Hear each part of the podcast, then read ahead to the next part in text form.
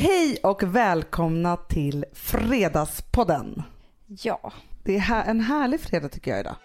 Du ska bara veta vad jag kan, jag ska bara krossa dig. Alltså du vet såhär, fruktansvärt. Så när man är vuxen förstår man så här, det är världens sjukaste film. Ja men nu En idag, hora som blir upplockad och blir jätterik. alltså nu jävla kraften. Den är bra. Jag kan inte se auror. Auror. Det är typ det. Eller varför då? Då hade vi ju aldrig kommit på ett plan. Vi har lyxen, jag vet att inte ni är i det just nu, men vi har ändå lyxen av att här, kunna pusha Vilmas sömn så att hon vaknar mellan åtta och halv nio. Mm, det, jag vill inte ens höra det. Nej, och det är ju helt fantastiskt verkligen. Men båda mina barn, de vill ju väldigt gärna att jag ska gå upp med dem. Det är lite mysigare när mamma är uppe. Ja. Nej, men så, men de hå- håller på med det där. Men så bara kände jag igår att jag var så himla, himla trött. Mm. Och grejen är att vi har inget sånt här inbyggt så här hur man gör med sovmorgnar, vem som ska få sova system i vår familj. Nej, och det, det tycker jag är väldigt bra att ni... Eh, för jag hörde när du tog upp det här med Gustav igår. Jag satt ju bredvid. Ja men jag vet och, Ja. och då tänkte jag också att det blir inte en så stor grej om jag bara gjorde det sådär. För då kände jag så här, på eftermiddagen, jag var så fruktansvärt trött. För då är det ändå så att, att ja, även om hon har vaknat liksom kvart över åtta och det är helt fint för mig att gå upp då, det är ingen hemsk tid överhuvudtaget. Men så är det fortfarande så att Gustav typ har sovit i tre månader för att han liksom, han har inga problem med att bara ligga kvar och bara tryna liksom. Så då i alla fall så sa jag till honom så här, jag bara, nu tror jag att vi måste bestämma att varannan morgon så har man sovmorgon om man vill. Men att det är den ena personen som har det totala ansvaret. För grejen är så här att då gör han ofta så här, om, att- tänker han så här, men då kan jag ändå ligga kvar med Vilma för hon vill gärna ligga och mysa med mig och liksom hålla på så här. Det är men inte då samma sover sak. inte jag. Då Nej. somnar inte jag om. Jag får inte den där timman intensiv sömn för hon har hållit på så där sedan klockan sju. Ja men alltså barnen måste ju bort från sovrummet. Annars kan man lika bra gå upp för man kan inte sova.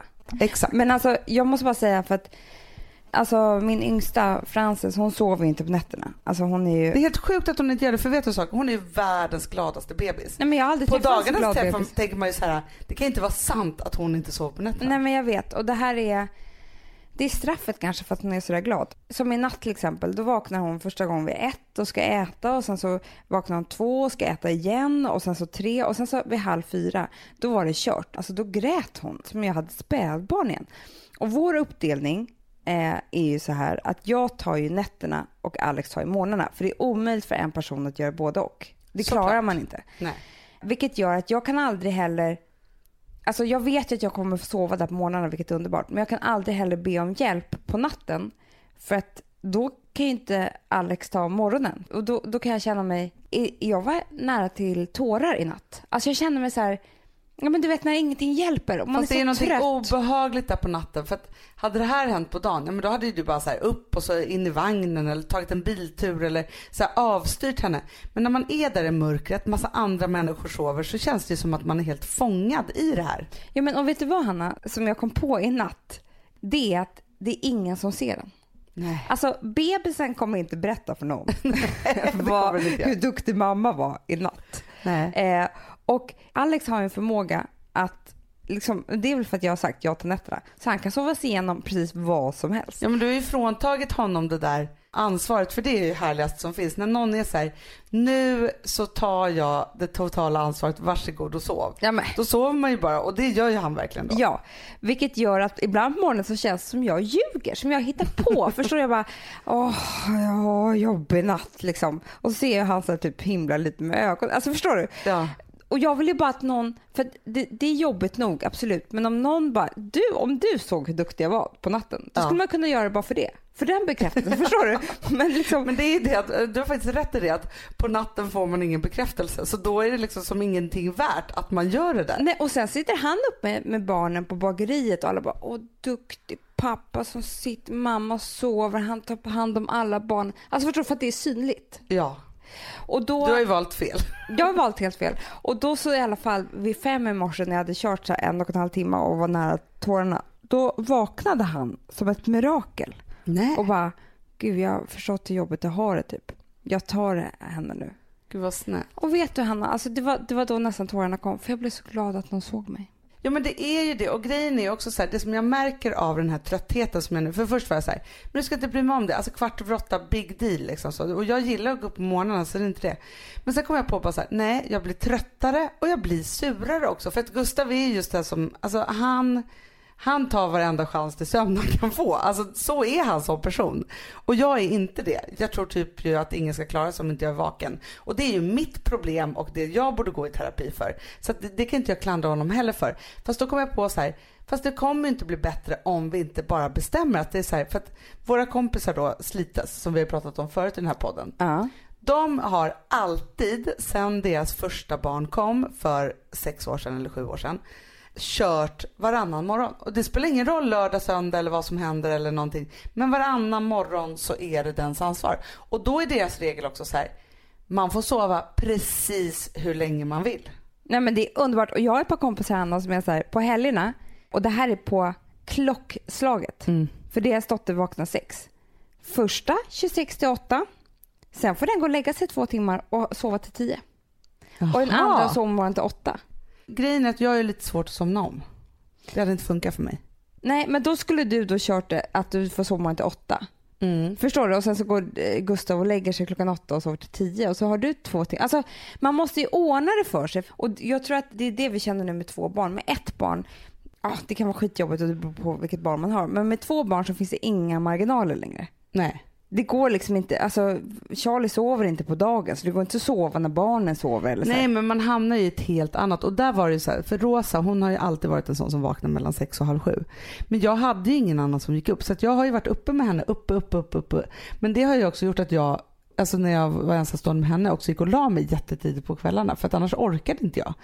Eh, men det är liksom helt okej. Men nu så har ju Rosa, alltså Rosa och eh, Havanna då, vår lilla syster som är här, som är ett år äldre än Rosa, de ligger och trynar i- gästrummet till klockan 10, halv 11 på morgnarna. Så där har det ju hänt något tonårsaktigt. gud. det är en framtid som man går till mötes. Och det är då man själv inte kom- kommer vilja liksom sova så länge.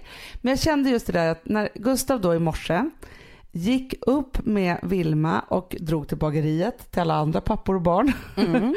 Då somnade jag ju om och så fick jag en trekvart till som var så här djup, djup sömn. Jag hann drömma att vi skulle göra en podcast i ett annat land där ingen visste vilka vi var och vi skulle prata någon tafflig engelska och de förstod heller knappt svårt. engelska. Det var jättesvårt på en scen skulle vi göra. Men sen måste jag säga att det var dumt för jag ringde och väckte dig sen. Ja, men jag vet, men du har väl aldrig varit med om att jag inte har varit vaken efter klockan Nej. nio?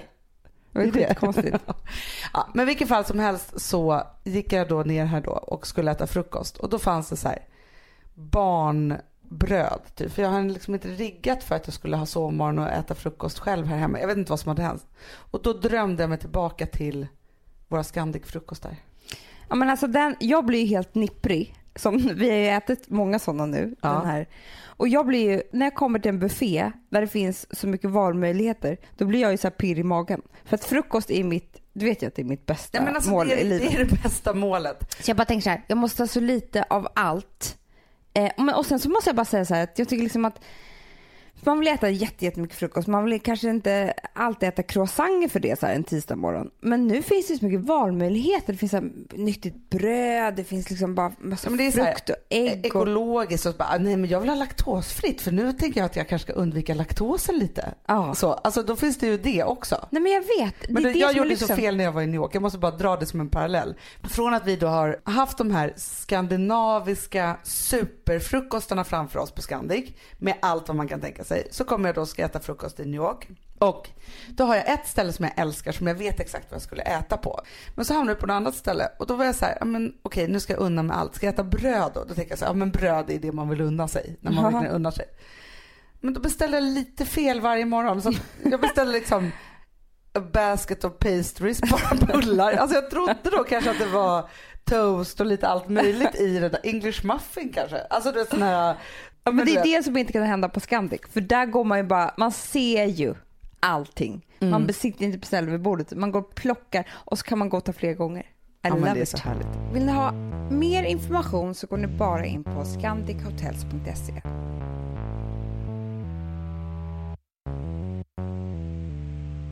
Sambla som vi sponsrade av är tillbaka. Ja men det tycker jag är så kul. Vet du vad jag kände? Äntligen! För det här behöver man göra om och om igen och särskilt nu. För det är så här, Sambla är en personlig jämförelsetjänst för lån Mm, mm. och jämför upp till 40 långivare.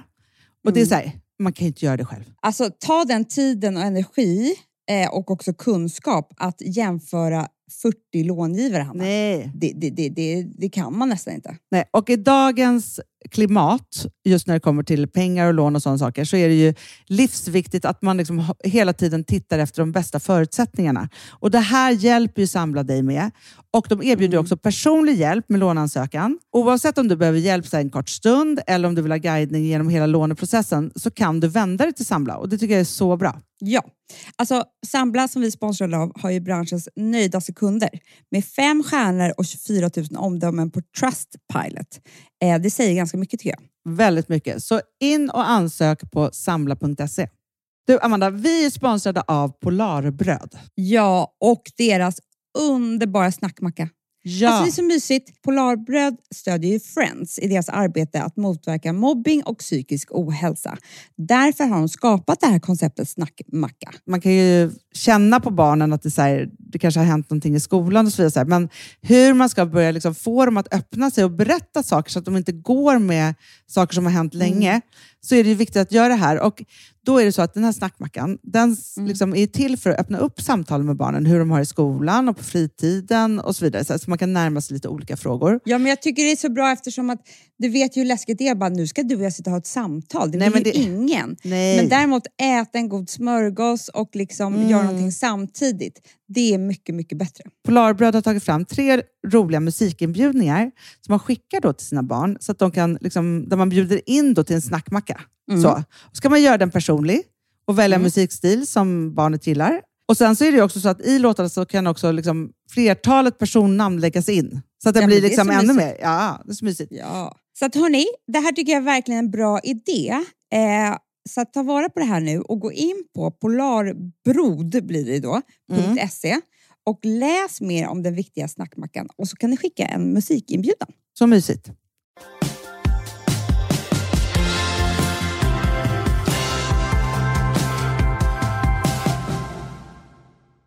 Kan vi prata lite om mina skor som jag sitter har på mig? Ja men alltså du och jag är två ytterligheter här. Kan inte du beskriva din stil lite? Ja, men det är farligt för mig det här. För att annars har ju sommaren varit så här ganska shoppingfria på något sätt.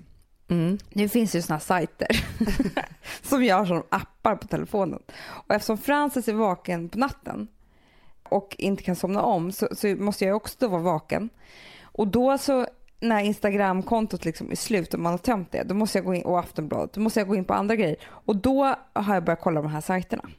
Aha. Och då så har jag faktiskt en underbar man som bara häromdagen bara, men kan du lägga av och bara kolla, kolla, kolla, för jag köper aldrig någonting. Nu köper vi de här skorna som jag ser att du har kollat på liksom, och bara tvinga mig. Eller det var också en present från någon. Det är svårt att bli tvingad när någon annan betalar. Ja. Ja.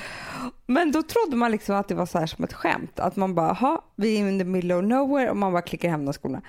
Och så helt plötsligt när vi sitter här och ska spela in podden, då kommer en liten budbil här på vår grusbil. Eller gru, på vår grusväg. Ja. Och bara, hello? Det sa de ju inte. Nej. Han sa ju he- hej.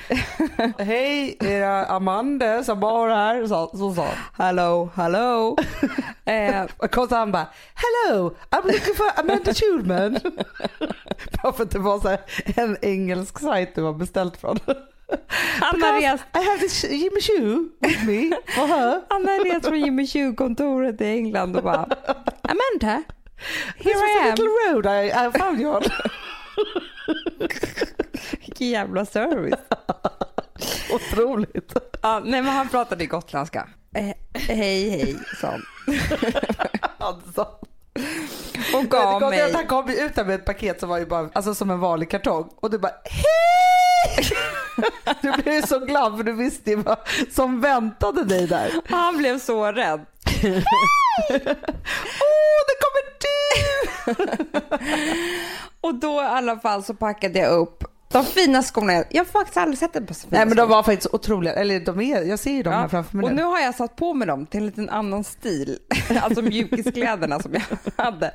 Och de här är så här 10 cm högklackade sandaletter. Ja men de där är ju liksom i den lyxigaste hotellbaren. Det är där du sitter liksom vid baren och har beställt in en appletini typ. Ja, och nu har jag dem med mjukisbrallor och eh, i ditt gästrum här i sängen.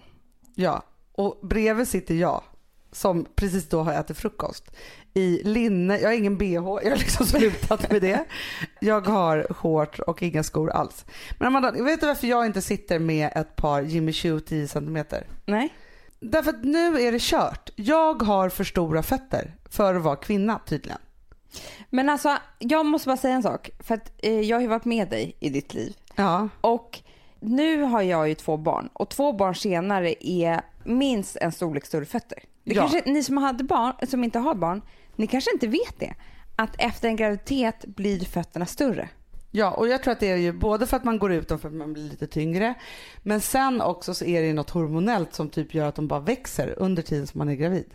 Ja. Men det är nog jättekonstigt. Men grejen är ju då att här, när mina fötter slutade växa, när jag, ja hur gammal man nu är då, 18 kanske. Mm. Ja men då landade jag på en stor 41 Mm. Men det var okej. För att en stor 41 var så här, nej men jag kunde inte ha alla 41 or Men jag visste ju precis. Så här, Freelance till exempel som var så ett superhett märke på 90-talet. De hade stora 41 så det var perfekt för mig. Mm. Och sen kunde jag liksom hitta olika, liksom så, här, så jag ändå liksom kunnat hanka mig fram på de stora 41 och hittat superhärliga ursnygga skor. Tills nu, två barn senare, då det är helt kört. Alltså, jag tackar skogudarna för att din sko till exempel, de är de enda Amanda som gör 42 år. Nej. Men det är Men alltså så här, gör inte Jimmy Choo det, för de gör ju det. Jo, och det köpte jag till mitt bröllop då. Så köpte jag ett par jättefina Jimmy Choo och det var ju fantastiskt. Men jag har inte råd att köpa Jimmy Choo-skor i parti och minut. Det har man ju Nej inte. men det är klart man inte har det. Så att det är men klart man, menar- men där kunde jag hitta en italiensk 43 och då var det bra. Ja, men alla ni som lyssnar, har ni tips på stora fötter-märken? Ja, och inte då gympadojor för det är inte ett problem. Nej, då köper man killgympa. Ja, nej, men alltså det är så här, gympadojor och liksom vanliga sådana saker. Det är helt okej. Jag vill ha high heels, supersnygga skor i storlek 42. För 42 kan jag ha, men det är det att det är också man är precis på gränsen. Jag kom ju till Barneys eller Bloomingdales i New York och där var det liksom skorean från himlen för alla som hade mellan liksom 36 och 41. Men för mig blev 42, jag kunde inte ha en enda jävla doja. Förstår att man blir förbannad då? Vill du gråta? Nej men, alltså, men jag har accepterat. Men jag tycker bara så här, hur svårt kan det vara för alla kedjor att göra upp till 42? För det här kan inte bara vara mitt problem. Nej.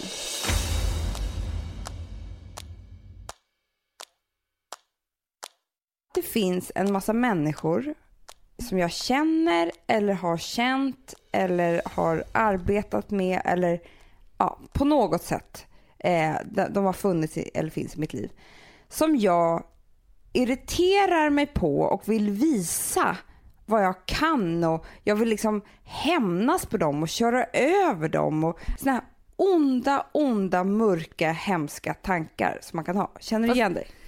Ja jag känner igen det men jag håller inte riktigt med om att de är onda och mörka Nej och men, hemska. nej, men det, det som är ont och mörkt med det, det är ju att man vill inte vara sån som person. Man vill ju bara så här, äh, det får gå bra, hur, lika bra för alla människor och det, det är skit i samma, vi har ingenting med varandra att göra och jag kan må lite dåligt av att Alltså jag tycker inte om mig själv som person när, när jag tänker de där tankarna.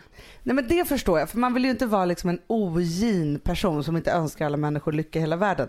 Men däremot så tror jag att de där personerna, det är ju de som ger en driv i livet. Ja men det är ju det som är min tes här nu. Jag kom på häromdagen att det var speciellt en person som både du och jag har arbetat med. Alltså man vill bara visa den personen liksom. Alltså bara trycka till den och så här. Det här är väl känslor från så här, när man gick i skolan och, och någon var taskig mot en och man ville så här, visa att man var bäst på idrott. Men det, är så här, det, det, det, det är verkligen så här, naiva tankar också. Men jag vill verkligen bara, du ska bara veta vad jag kan, jag ska bara krossa dig. Alltså du vet så här, fruktansvärt. Men då bara kände jag så här, att det kanske, och det, det, det pratade vi om en, en lång promenad vi gick när vi liksom pratade om vårt arbete och så vidare. Att de, man ska kanske tacka för att man har de här människorna i sitt system. För det är de som gör att man kommer göra bra saker och så här, alltså man får en extra energi som gör att det kän, kanske inte känns lika mycket att man arbetar så här, för att det är, det är den här hämndkraften som tar vid. Alltså det här är inte bara arbetet, det kan ju vara så här, vi har ju en kompis till exempel som hon var tillsammans med en kille och han tyckte att det var väldigt viktigt att man var sportig. Och så gjorde han slut med henne och alltså sen dess har hon sprungit maraton, hon har åkt Vasalopp, hon är liksom i sitt livs träningsform. Alltså mm. så.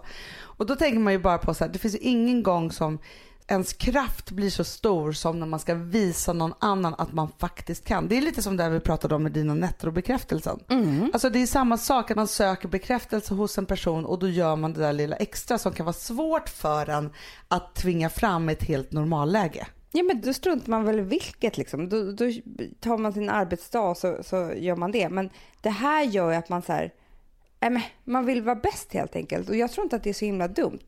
Men det handlar ju om att man är, alltså det är också det här man pratar om, sig, om man är en vinnarskalle eller inte. Jag har varit såhär, jag bara, nej men jag kan inte tävla. Alltså jag är en sån tävlingsmänniska. Sen är inte jag det ute i spåret alltså så, eller på friidrottsplanen. Det är inte där jag tävlar. Men det är klart att jag, alltså om jag ska erkänna så är det så här, nej men det är klart att inte jag skulle vara här om inte jag tävlade med andra människor, jämförde mig med andra människor, ville vara duktig. Och sen så handlar det bara så här, att man vill vara bättre än någon, men framför allt jag drivs ju av att vara duktig för människor. Att jag vill mm, vara jag duktig.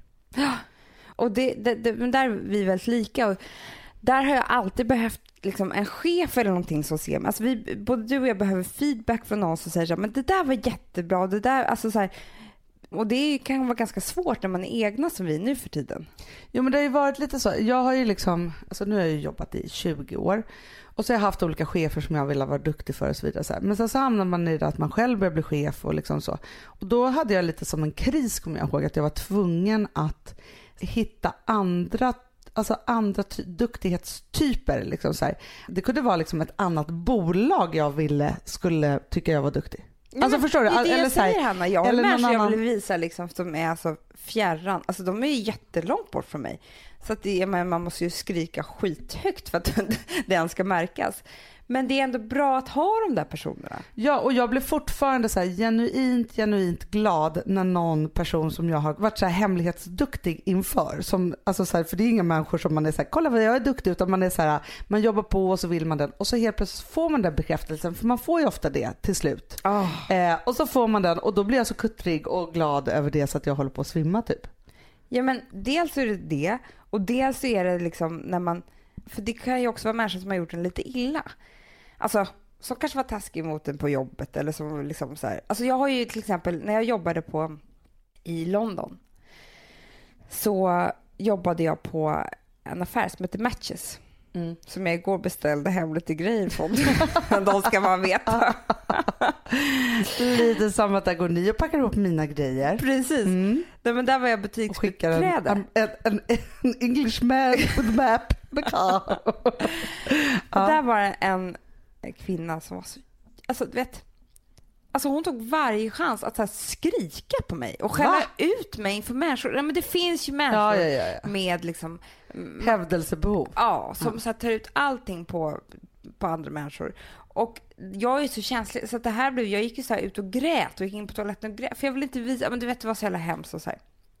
Henne kan jag tänka på ibland. Nu kommer hon aldrig upptäcka vad jag gör här i Sverige.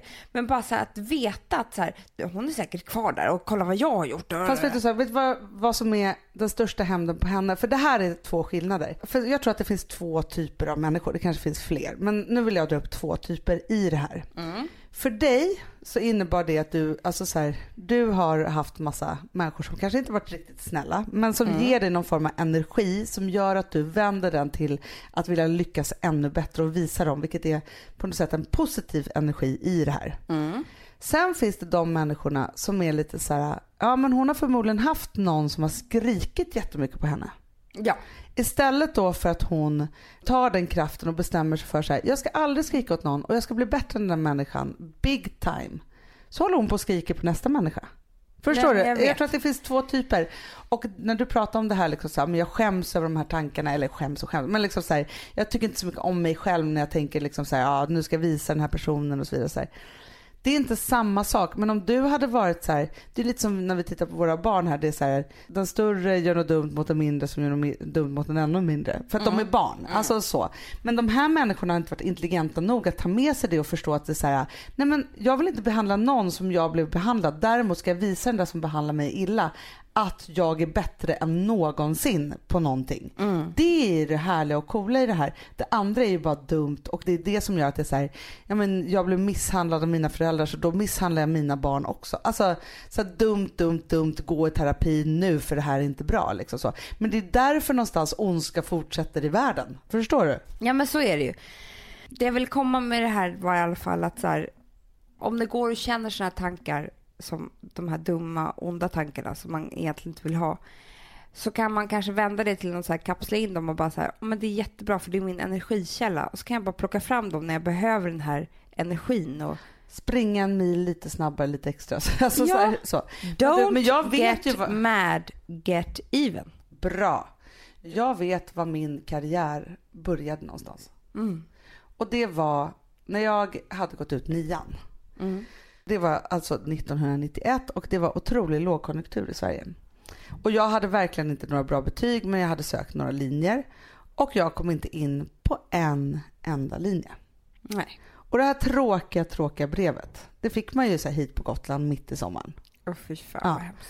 Men det var liksom inget kul att öppna det där så att du har inte kommit in någonstans. Jag var Nej, på här någon reservplats på någon social tvåårig linje. Alltså det var, så, det var så tråkigt. Och jag var ju såklart jätteledsen för det här. Det här var ju mitt första riktigt stora misslyckande typ. Och då så sa vår pappa så här. Vet du så, jag orkar inte ens se dig, du är så bedrövlig. Och så drog han härifrån. Vilket jag kan förstå, så han hade väl jättemycket ångest och så vidare. Så här, Nej, jag kan faktiskt inte riktigt förstå det. Det var jäkla taskigt faktiskt. Men han gjorde det. Men vilket gjorde att jag i tio år bara jobbade för att han skulle tycka att jag var duktig. Mm. För där och då så bestämde jag mig för att ingen vuxen någonsin mer skulle kunna ifrågasätta mig på det sättet. Och så här har jag liksom alltid varit att när jag möter en motgång, ja men då lägger jag mig typ så under täcket och så gråter jag i en halvtimme, en timme kanske. Och så sover jag på saken och sen så dagen efter så får jag en otrolig kraft. Det finns ingen gång som jag är så, så otroligt liksom kraftfull, kreativ och bara kommer på grejer. Och det jag gjorde då när jag var 15 år, det var att jag bara så här, okej, jag måste skaffa mig ett sommarjobb. Mm. Det är det. Så då satte jag igång och ringa, för jag tänkte så här, vad är det snabbaste? Jo, jag har sett de här rosflickorna i Visby. Mhm. Så jag satte mig och så ringde jag runt varenda blomsteraffär, för jag tänkte att någon av dem måste ju liksom vara grunden till de här rosflickorna. Mm. Och kom till en affär där det var så här, ja men hej gud vad bra, de andra har slutat så får jag jättegärna börja. Och så hade jag liksom mitt första jobb och tjänade typ tusen kronor om dagen och det var jättebra. Sen dess har jag jobbat, alltså jag har varit i mellanjobb några veckor eller liksom så. Men jag har jobbat och jag har tagit steg för steg, jag har inte gett mig. Sen är det klart att jag har mött massor med motgångar, lagt mig under täcket och gråtit en stund och sen så dagen efter har jag bara så här satt mig med telefonboken och ringt dem jag vet att jag behövde ringa. Och vet du vad jag tänkte på också om vi ska prata lite om att jobba. Så tänkte jag på det eh, när vi var ute och åt på någon restaurang. Och då så träffade vi han krögaren som ägde restaurangen som sa så här, men för vi sa så gud vilken underbar eh, servitör. Alltså han är så fantastisk liksom. Alltså, vet man bara Ni berömde känner- en annan person där som han jobbade hos? Vad Eller som ni berömde en servitör på? Precis, för han var så behaglig och trevlig och mysig. Man bara ville ha honom omkring sig. Han var så duktig och så här. Och då sa han så här, men han är liksom bäst i Sverige. Han är så otroligt bra. Mm. Och då bara kände jag så här, vilket yrke det än är, försök att bli bäst på det. Mm. För att det finns inget yrke som är dåligt nog om man är bäst på det. Förstår du vad jag menar? Om det är så att jag bestämmer mig för att eh, alltså tvätta bilar. Mm. Men jag blir fan bäst på det. Alltså då, då, då är det så hedersvärt så att det inte är klokt. Ja men och det kan bli en franchise och helt plötsligt så har du car washes över hela världen. Alltså det Ja. är det. Det är så alla stora businessar har startat. Men det är också det som tar en vidare. För att om man till exempel då när man tragglar sig igenom de här sommarjobben och vad man nu gör. Så bestämmer man sig för så här, nej men jag ska fan bli den bästa rosförsäljerskan i hela den här stan. Sen så helt plötsligt så är det någon som ser en och så får man ett erbjudande om att bli säljare på ett riktigt företag. Och sen så gör man sitt bästa där och då tar man sig vidare från det. Så att både att det tar en vidare att ge sig fan på att bli bäst på det man gör. Men det är också så att man mår väldigt bra av att satsa sådär mycket. Alltså man, man ska ju alltid sikta högt. Men jag tycker också att man ska sikta högt i, i det man gör istället för att sikta mot andra jobb. Ja. Men du, men för jag tänkte faktiskt på det. Vi åt ju en av våra middagar. Våra program går ju nu och den här veckan så äter vi middag med Ernst Kirchsteiger. Underbar Ernst. Underbara Ernst, så kolla på det. Men i ett kommande program så åt vi också middag med bland annat Tess Merkel som sjunger i Alcazar Yes. och dansar. Och då så sa hon ju så här, för vi pratade om vad man tror på, liksom om man är religiös eller inte och så här. Då sa hon så här, nej men jag tror på massa saker, men framför allt så tror jag på att det är meningen att man ska vara precis där man är just nu. Mm. Och det tyckte jag var väldigt, väldigt skönt sagt. Alltså så här, det är klart att man här, när jag och Bankis pratade om det, han bara, fast jag tyckte det var väldigt tråkigt för att man vill ju vara på väg och så här. Jag bara, jo men det är inte det hon menar med det. Med det. Man är ju på väg hela tiden. Man är ju på, på sin livsresa på något sätt. Men att man är på det där jobbet just nu för att man ska vara där. Man är på det där stället, alltså så här, att det är viktigt att, att våga landa där man är. För att det är en sak att man är på sin livsresa, men det finns ingenting som är så förödande som att inte vara någonstans på riktigt där man är. Mm. Ja men det där var så... För då missar man ju livet. Då missar man livet, precis så. Och det, och det kan ju vara så här, ja, men jag äter den här bullen på det här kaféet just nu. Alltså det behöver inte heller vara så stora saker. Det kanske, Nej, jag ska vara meningen. här. Eller jag man är med om svårighet och då är det så här, nej men man ska vara där just nu för det är meningen för någonting annat. Det kan kännas jätteorättvist. Men ofta så förstår man ju saker och ting som man är med om efter ett litet tag i alla fall. Men du, jag tänkte på det där med var man får kraft ifrån. Eh, alltså, när jag får min så här, åh, så här revanschkraft och, och liksom den här extra Nu jävlar kraften. Ja, nu jävla kraften. Då, och nu vet inte jag så här om det här är, är rätt eller inte, men jag tycker att jag i liksom möten eller i, i, i liksom, eh, så här jobbrelationer eller miljöer liksom bjuder på mig själv. Så här, jag skrattar och jag kan göra mig lite dum och jag kan liksom så här, nej men jag håller på. Jag är inte så här så noga med att så här, titta, här är jag superseriös och titta vad jag kan och jag måste spela en viss roll för att bli tagen på allvar och så vidare. Mm. Förstår du vad jag menar? Jag förstår precis vad du menar. Mm. Och för Du är ett enda stort bjuss helt enkelt. jag är ett enda stort skämt. Nej. Nej, men jag förstår vad du menar. men- Du vågar vara mycket och är det och passar inte så mycket för annat. Nej, men liksom jag, orkar, jag har inte, orkar inte spela den andra rollen riktigt. Det är Nej. så jag känner. Men ibland, och det, det innebär inte att jag inte kan en massa andra saker. Och det, för de flesta människor så är det här helt okej. Men ibland så är det människor som tror då att jag inte är intelligent nog eller att jag inte kan eller att jag inte så här, bara för att man kan inte Mm. vara både och. Och tar den chansen att så här, köra över mig eller ah, jag vet inte. Det, det är, svår, det är så diffusa grejer men, men det, det händer i alla fall mig då och då. Och då får jag nu jävla kraften. Ja men det förstår jag. Det här har man ju varit med om hela livet. Att det är så här, jag har också alltid varit lite för mycket och lite för glad och lite för liksom så här. Det är ofta så, så tror ju folk kan ju uppfatta dig och mig som inte vet som ganska så här lite flamsiga och lite slarviga och lite tjolahoppsan hejsan och så vidare. Så här. Eh, och det kan ju vi vara. Vi älskar att vara flamsiga och, och skrattiga och liksom så. Men det har ju absolut ingenting att göra med till exempel hur vi arbetar. Nej. Vi har ju alltså jättehöga ambitioner, vi är väldigt noggranna, vi vill, det är viktigt för oss att vi levererar kvalitet och är det flams, då ska det vara hög kvalitet på flamset. Alltså så är det. verkligen. Man får inte missförstå det där. Men det är ju ofta de här människorna som man möter hela tiden som då kanske är så här, nej men man behöver nog inte göra så mycket, det kanske bara är och lite så här. Det finns de människorna som är så och tänker så här, men här vill jag också vara med och bara kunna vara lite sådär. Det är en sak. Sen finns det en annan typ av människor som själva, för dem är det otroligt viktigt att inte bjussa på en enda sak för att det är väldigt viktigt för dem hur de uppfattas, att de gör rätt och riktigt och att det ser så. Ofta så är det de som tar chansen då att köra över de här andra människorna och sätta dit dem för de är väldigt osäkra människor. Så ska jag väl liksom uppfatta Ja, men det. det blir lättare att, att för dem att vara i deras seriösa roll om de försätter någon annan i den oseriösa rollen. Exakt. Och då ska de också sätta som att vara oseriös är då också att man kanske är mindre smart.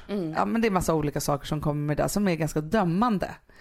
Nej men alltså vill man uppfatta mig som på ett visst sätt så kan man nog göra det och, och ta chansen att liksom trycka dit mig på, på något vis i ett seriöst så här, jobbsammanhang. Och då blir jag tokig. Ja, då vill du vinna. Då vill jag vinna. Då vill jag visa.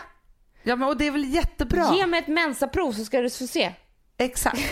Som, som farmor brukar säga, det är aldrig för sent att få en lycklig barndom. Alltså så här, skit i dem. Alltså för oftast kan man fastna i det där så här, alla de där som var dum mot en i skolan eller föräldrar eller vad liksom det nu var. Så kan man hålla på och grotta ner sig i det och vara så här, och det är därför jag är så här dålig på det. Eller så här, ja, så kan man ju, den vägen kan man ju välja.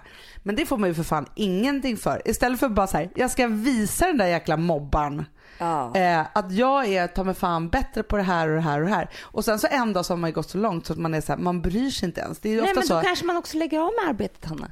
Alltså Ja. du vet, jag tror man alltid behöver dem där. Jo men man kanske så här, man bryr sig inte om mobbaren, då är den ur systemet. Ja. Och sen så kan man vända det till att hitta andra människor som man bara är så här, men hörru, trodde du det här? För att jag kan faktiskt det här. Ja. Alltså nu jävla kraften, den är bra. Det är jävla kraft alltså. Jo men det är så här, man har skilt sig eller gjort som om jag har skilt mig. Jag börjar tro att jag är du. Det är Nej. jag. Nej men man har gjort slut med någon kille och, och man kan gå liksom hur länge som helst och planera bara hur man ska se ut och vara första gången han ser en igen. Han som lämnar den. Det är en, en jävla kraft. Ja gud ja, men det är därför folk är så fruktansvärt snygga när de har separ- eller gjort slut eller separerat eller något. Ja. För att det finns ju liksom en kraft i det, att man bara så här, nu ska du få se. Men alltså den enklaste lilla scenen eh, som kanske inte egentligen betyder så mycket men som, som man ändå älskar. Kommer du ihåg Pretty Woman? Mm. När hon har då, Julia Roberts har fått pengar, det är ju så sjukt Ja, egentligen. men det den, här. den här filmen, vi bara säger det till en början så behöver vi inte prata mer om det. Nej. Men alltså, jag har ju sett Pretty Woman säkert hundra gånger, älskat den till döddagar. Sen när man är vuxen förstår man ju så här, det är världens sjukaste film. Ja men nu En idag, hora som blir upplockad och blir jätterik. idag får- när vi är moderna och vuxna så förstår ju vi att den här filmen är helt åt helvete. Men det betyder inte att man har älskat den och kanske fortfarande gör om man ser den. Ja, jag vet precis vilken scen du ska berätta om. Berätta nu då. Ja, då i alla fall så um, får hon massor av pengar, en sån här bunt med sedlar. Eh, inga jävla kreditkort utan sedlar. Och ska gå in i en affär som ligger precis bredvid det här hotellet där de har tagit in för att köpa lite kläder. För hon har ju bara ett par så kallade horstövlar som går över knäna och någon liten kort kjol och någon topp och någon peruk. Och nu ska hon leva liksom, det härliga livet med, med um, Richard Gere. Så hon går in och där står två snorkiga tanter som tittar på hennes horstövlar och bara så här, men alltså lilla damen, jag tror inte att du har råd med någonting här inne. Nej, de är verkligen inte schyssta. Nej, de är skit. De är oschyssta. dömande mot horstövlarna. Det Det man måste säga. man säga. De ser ju att hon är en hora. En hora är inte värd nog, tycker de. Nej, exakt. Så att de bara så här förnedrar henne totalt, vilket gör att hon typ så här backar ut, ut i telefon, eller ur, ur, ur eh, affären. Ur telefonen. Ur telefonen. Det är jättekonstigt. Världens konstigaste film. Den är lite spacey. ja, hur som helst så, så, så går hon till hotellchefen och börjar typ så gråta och han bara okej nu ska jag visa dig. Tar med henne till ett varuhus där hon bara så här provar alltihopa och får så här köper, jag vet inte hur mycket kläder och skor och hattar och grejer som gör att hon har så här eh, 25 stora påsar som hon ska bära hem. Ja men alltså om man ser bara, det är de dyraste dyraste märkena. Hon har verkligen shoppat loss. Ja. Hon är verkligen någon med alla sina påsar. Precis. Och hon har inte ens horstövlarna på sig längre. Hon Nej. har liksom några såna här små sandaletter och någon hatt och någon dräkt. Men hon går i alla fall då förbi den här butiken eh, och bara, nej, nej men jag ska nog gå in här igen. Ja. Och tanterna bara, nej men gud, är det samma hora? Typ. Och de bara ser ju då så här, wow, här kunde vi fått provision. Och då gör hon bara en underbar grej. Hon tar sina påsar och bara så här, håller upp dem för de här två eh, sura tanterna och bara, big mistake, huge. Och sen går hon ut därifrån. Underbart. Och så De kunde tjäna Jag får rysningar nu mycket på pengar. armarna. Där var ju drivkraften. Ja, Och egentligen är ju inte hon någon hora utan hon är ju en duktig tjej som bara vill plugga lite och bli vanlig igen. Jo men det är klart. Ja, Pretty Woman. Man kan diskutera den på många sätt. Ja, alltså jag, vi skulle kunna ha ett helt avsnitt om Pretty Woman. Men det vore härligt om du gjorde en modern Pretty Woman. För själva filmen är ju väldigt bra. Ja, och den handlar ju bara om drivkraften i att få ge igen. Typ. Ja, det är ju det. verkligen. Liksom grundtanken i Pretty Woman så är det ju, handlar den ju hela tiden om att bli dömd för någonting som man har varit och att man kan få förändra sig. Och även han ju. Mm. Som faktiskt är den där här, liksom iskalla investerarsnubben som alla liksom ser på ett visst sätt. Eh, som så här, av hennes kärlek och värme och så här, underbara knasighet börjar slappna av. Hon vill inte alls liksom köpa något bolag och plocka sönder det i små delar för att bara sälja och tjäna pengar och så här. Och han förändras också i det och alla runt omkring honom som blir helt tokiga och Ja. Men det är en win-win. ja. Ja. It must Det är have bara been lite- love but it's over now. It must have been Alltså vi sponsrar av Bosch. Har du testat i maskinen nu? Snart är det jag som kommer lägga upp en limpa på Instagram. Är det så? Ja. Är det så? Det som har varit så svårt för mig, Amanda, Mm. det är ju att bakning, alltså så här, matlagning, då kan man ju göra lite Mm. hejsan hoppsan. Bakning är kemi. Ja, och vet du vad som också har varit svårt? Det är ju att du kan inte så här, alltså tomatsås så kan du ju salta och peppra och allting med tiden och smaka Mm. av. Det är svårare med en deg alltså. Vi är ju sponsrade av Bosch nya köksmaskin serie 6. Och den är extra smart. Och det är tur för mig kan jag säga. För att det är så här att först så liksom, man väger sina ingredienser direkt Ja, i och det bunken. här läste jag om. För det var något recept jag skulle göra. Det var så här, ta inte med decilitermått eller så. För att det blir inte samma. För då trycker man... till- Det är inte, det är inte samma vikt. Nej, men Alltså, det kan ju bli liksom det kan bli deciliter jättefel. fel hit och Ja. dit. Alltså, så. Ja. Men då gör man ju det så här, Det är ett geni av- ovanpå maskinen. Ah. Så mysigt, man känns så duktig. Sen finns det en integrerad timer. Ah. Och då är det också så här, alltså för, förstår du, för det här är så här, alltså de som bakar mycket är väl så här, ja man har en hushållsvåg. Jag har aldrig haft det än. Nej, men också Hanna. Det här som, jag har alltid tyckt att det är så svårt typ, att vispa äggvita. Jättesvårt. Det är för svårt. Men det behöver inte jag kunna. För det kan min serie 6 köksmaskin från Bosch. Ja, nej men alltså, den är underbar. Hörrni, det är också så här, att, för det här är ju eh, ja, en jättebra investering. Men just också eftersom det är en investering och man vill verkligen att det ska funka så är det så bra för man kan prova 100 dagar hemma med Mhm. fri returrätt. Mm. Så. Alltså för att Bosch de är så säkra på att du blir nöjd. Så de Ja. kan erbjuda det. Och jag tycker verkligen, eh, alltså nu när ni ska möta våren, in och läs mer på Bosch köksmaskin serie 6 och köp den hos Power. Det kommer bli en, en underbar sommar. Voff, voff, voff. Det vet vad det betyder på hundspråk? Det betyder att jag är hungrig. Jag vet, men vet du? Nej, jag är sugen på Prima Dog. Ja. det. Vi är sponsrade av Prima Dog. Ja. Det är vi, men du är ju bara hungrig på Prima Dogs mat. Alltså jag tror att det är så gott att vi skulle kunna äta det, Hanna. Verkligen. Ja, men alltså, så här, de har ju nu också, sen vi hade, eh, började vårt samarbete, så har de nu uppdaterat sitt utseende Mm. och gjort väldigt nya snygga förpackningar med inspiration från den nordiska naturen. Ja, för det är ju Taste det. of Nordic happiness. exakt vad jag skulle säga. Och de vill ju, de bryr sig verkligen om hundar, Hanna. Alltså de gör det. Det gör de. De vill att de ska få leva ett långt, aktivt och glädjefyllt liv. Och Därför har de skapat de här produkterna som är väldigt snälla för magen. Och Det, alltså, det måste man tänka på med små woofsystarna. De vill vara bekymmersfria. De vill inte ha ont någonstans. Nej, men det blir också så att hundägarna blir också bekymmersfria. För annars kan man ju vara så här, "Ha, behöver du gå ut nu eller inte? Har du ont i magen? Alltså hundar kan ju Också inte på prata. mina mattor blir bekymmersfria. Ja, det är så bra. Om man nu ska Nej, här, prata för, om sånt. För, för hundmaten från Prima Dog, de innehåller ju alltid mycket kött och är alltid fritt från vete. Mm. Och Det finns ju också spannmålsfria alternativ om hunden har extra känslig mage. Ja, alltså hörni, ni måste, eller ni testar, er hund måste få testa det här. Och ni hittar ju Prima Dogs produkter i er lokala matbutik eller hos återförsäljare online. Ni kan gå in och läsa mer på primadog.se. Taste of Nordic happiness.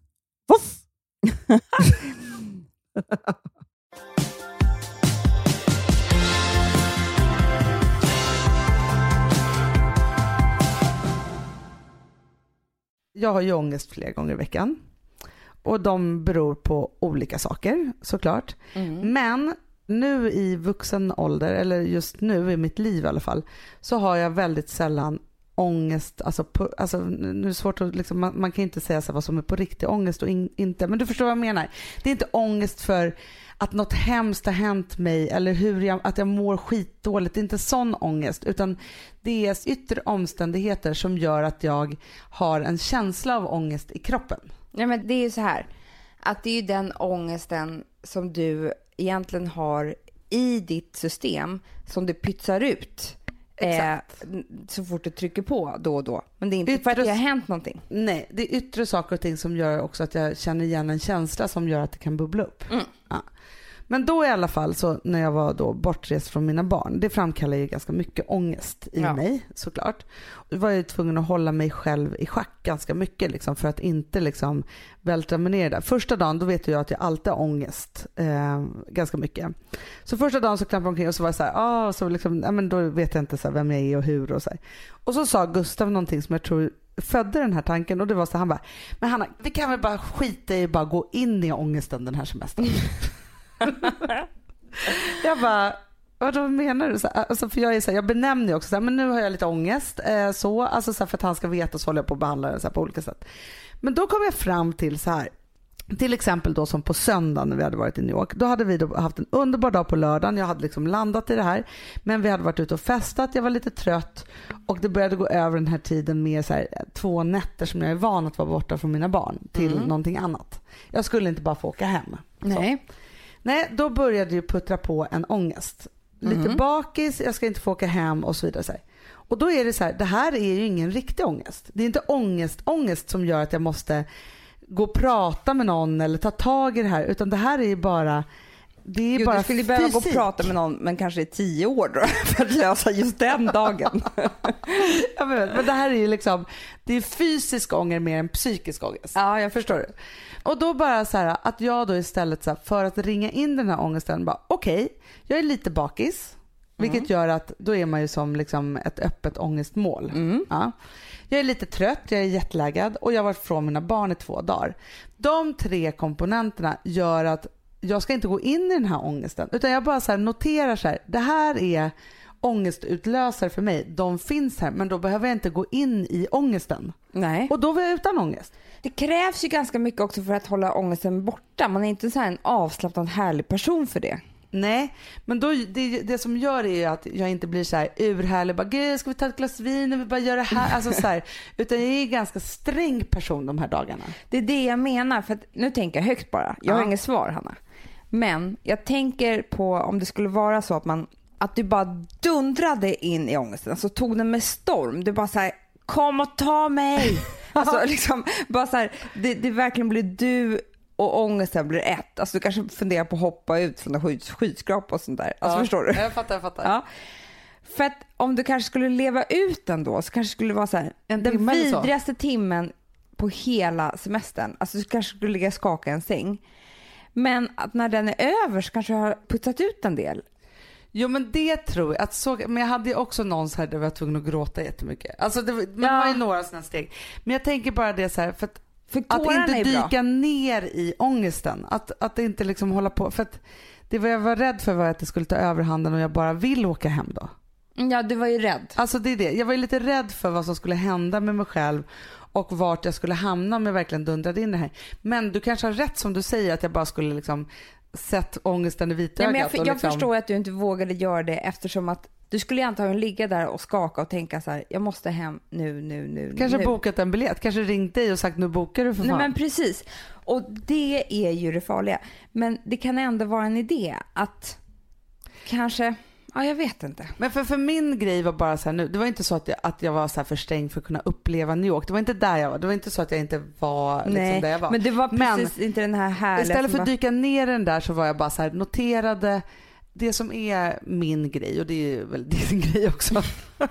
det är ju att Vår grej. i varje sekund och minut hela tiden känna efter hur man känner sig. Men det är vidrigt. Och, det, och grejen är så här Hanna, på riktigt så tror jag också att vi är så otroligt vana vid att ha ångest. Vilket mm. gör att det är nästan lite tomt när ångesten inte infinner sig där. Så jag, menar, jag tror också så att du hade ju räknat med det här. Nu vet du. Du ska vara borta från dina barn.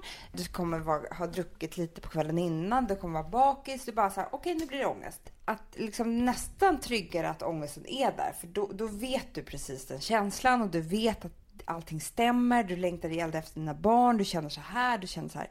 För att den andra känslan, det är ju liksom ett eh, okänt hav på något sätt. Ja men jag vet. Det är också sådana saker som att jag vet ju att jag håller olika saker i schack under en sån här resa. Det är ju alla möjliga saker som jag säger, att jag ska känna mig trygg och att det är bra att jag är ute mina barn. Hur det här, alltså så här, det är ju, och det vet jag, så här, det är inte jättekul för Bankis att göra den här resan med mig. Det är jättekul för honom på ett sätt, men det är också ganska många saker och ting, för han är en ganska ångestfri person, eller en väldigt ångestfri person, men som han då också ska dela med inte så att jag drar in honom i min ångest och ska lösa den på något sätt. Men han är tvungen att dela med mig som är så här, när han är så här, fast nu pussas vi lite för nu är du för snål med Alltså för jag blir lite så snål, lite stängd. Ja. Lite, alltså så här, och det är tråkigt för någon som lever med en. Att liksom behöva ha, ha det.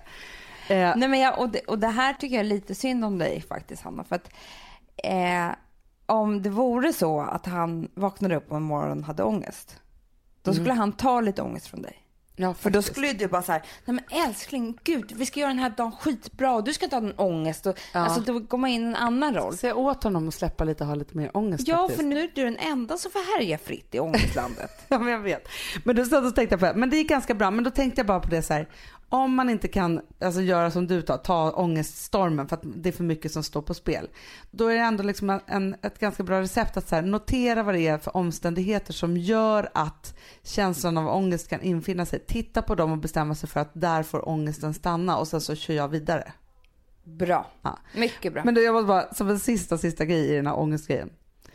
Är du flygrädd? Det här har vi aldrig pratat om. är du flygrädd?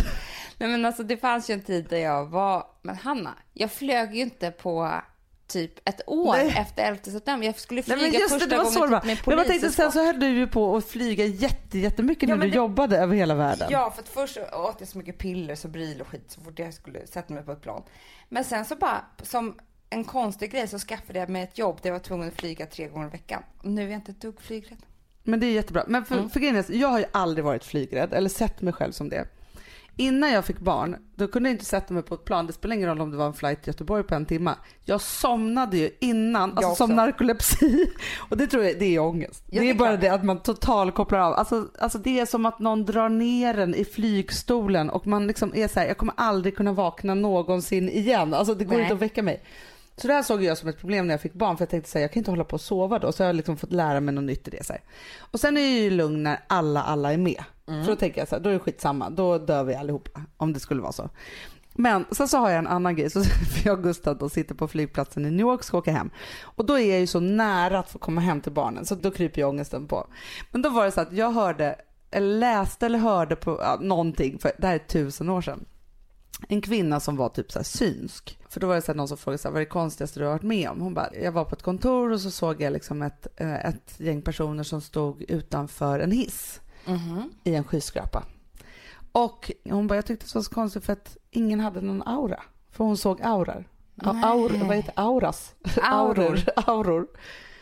Och sen gick de in i hissen och den bara störtade. Nej. Ja, och det här är som en tics då. Sen den här historien när jag ser då alla som ska gå på planet, jag bara, då är jag tvungen att vara så här, gå igenom bara, jo, det är ett starkt ting. De har aura. Nej men så tänker inte jag. Det här är ett jävla jag... vinnargäng som ska gå på det här planet. De kommer inte, och bara, hon kommer aldrig stryka med för hon är jättegammal. Så går jag liksom igenom person för person och så delade jag det här med Gustav, han är så sjuk i huvudet. För att alltså jag tänker så här, jag tittar på, så bara börjar titta på människor omkring mig, så olika situationer, liksom en familj som ger deras barn och så här. Nej men då blir jag så ledsen för jag ser ju hur jag kommer se de här personerna i kraschen. Oh, Förstår du? Som Lost. Som Lost. Och då känner jag bara så här, jag kan inte titta på någon person här. Jag låtsas inte om som att de finns. Ja men för det kan jag ju också, men, men fast jag tänker då alltså mycket koncentrerat på, det där är en typisk sån här person, han är inte så trevlig. Men han kommer ju inte dö bara därför. Alltså han kommer ju hålla Nej. på att vara otrevlig mot alla för resten av livet. Det är inte liksom så. Och så ska jag liksom se någon annan familj och bara, det där är ett jävla turgäng. Ja, men det är klart. Så, så går jag liksom igenom så här tills jag har liksom det kompletta vinnargänget. För jag kan inte se auror auror. Nej, du gjorde det. Eller hur? Varför då? Då hade du ju aldrig gått på ett plan för man hade ju aldrig sett några auror. man Nej, nej, nej. nej. Man bara kisar sig jättehårt med ögonen och bara, Man bara, har en aura eller inte? Är det där frissigt hår eller är det en aura? Ja, men förstår du. Men det var liksom min sista grej. Och sen när jag vaknade i Stockholm då var jag så lycklig. Ja. Ja. Hörni, det är fredag. Ha en nu en, Ha en aura. ha en aura och en underbar helg och försök leta efter andras auror. Det kommer bli toppen. ja, eller se bara folk som ett jävla vinnargäng. Ja. Och Men hörni- nu jävla kraften, bara omfamna den. Ja men verkligen, för det är en jävla kraft som vi har sagt innan här. Det är alltså det är en jävla kraft i kraften. ja. Ja. Hörrni, vi finns på Instagram, följ oss där. Vi är ganska skojiga där. Vi finns på Twitter, inte Ja. lika skojiga där, men ganska. Nej. Man Ja. kan få lite information ibland och så. Eh, men framför allt så kommer det ju en podd varje vecka året om. Vi är här Och liksom. titta på ett program på Aftonbladet med Ernst de Kircht Eiger. Missa inte när han säger och då reser sig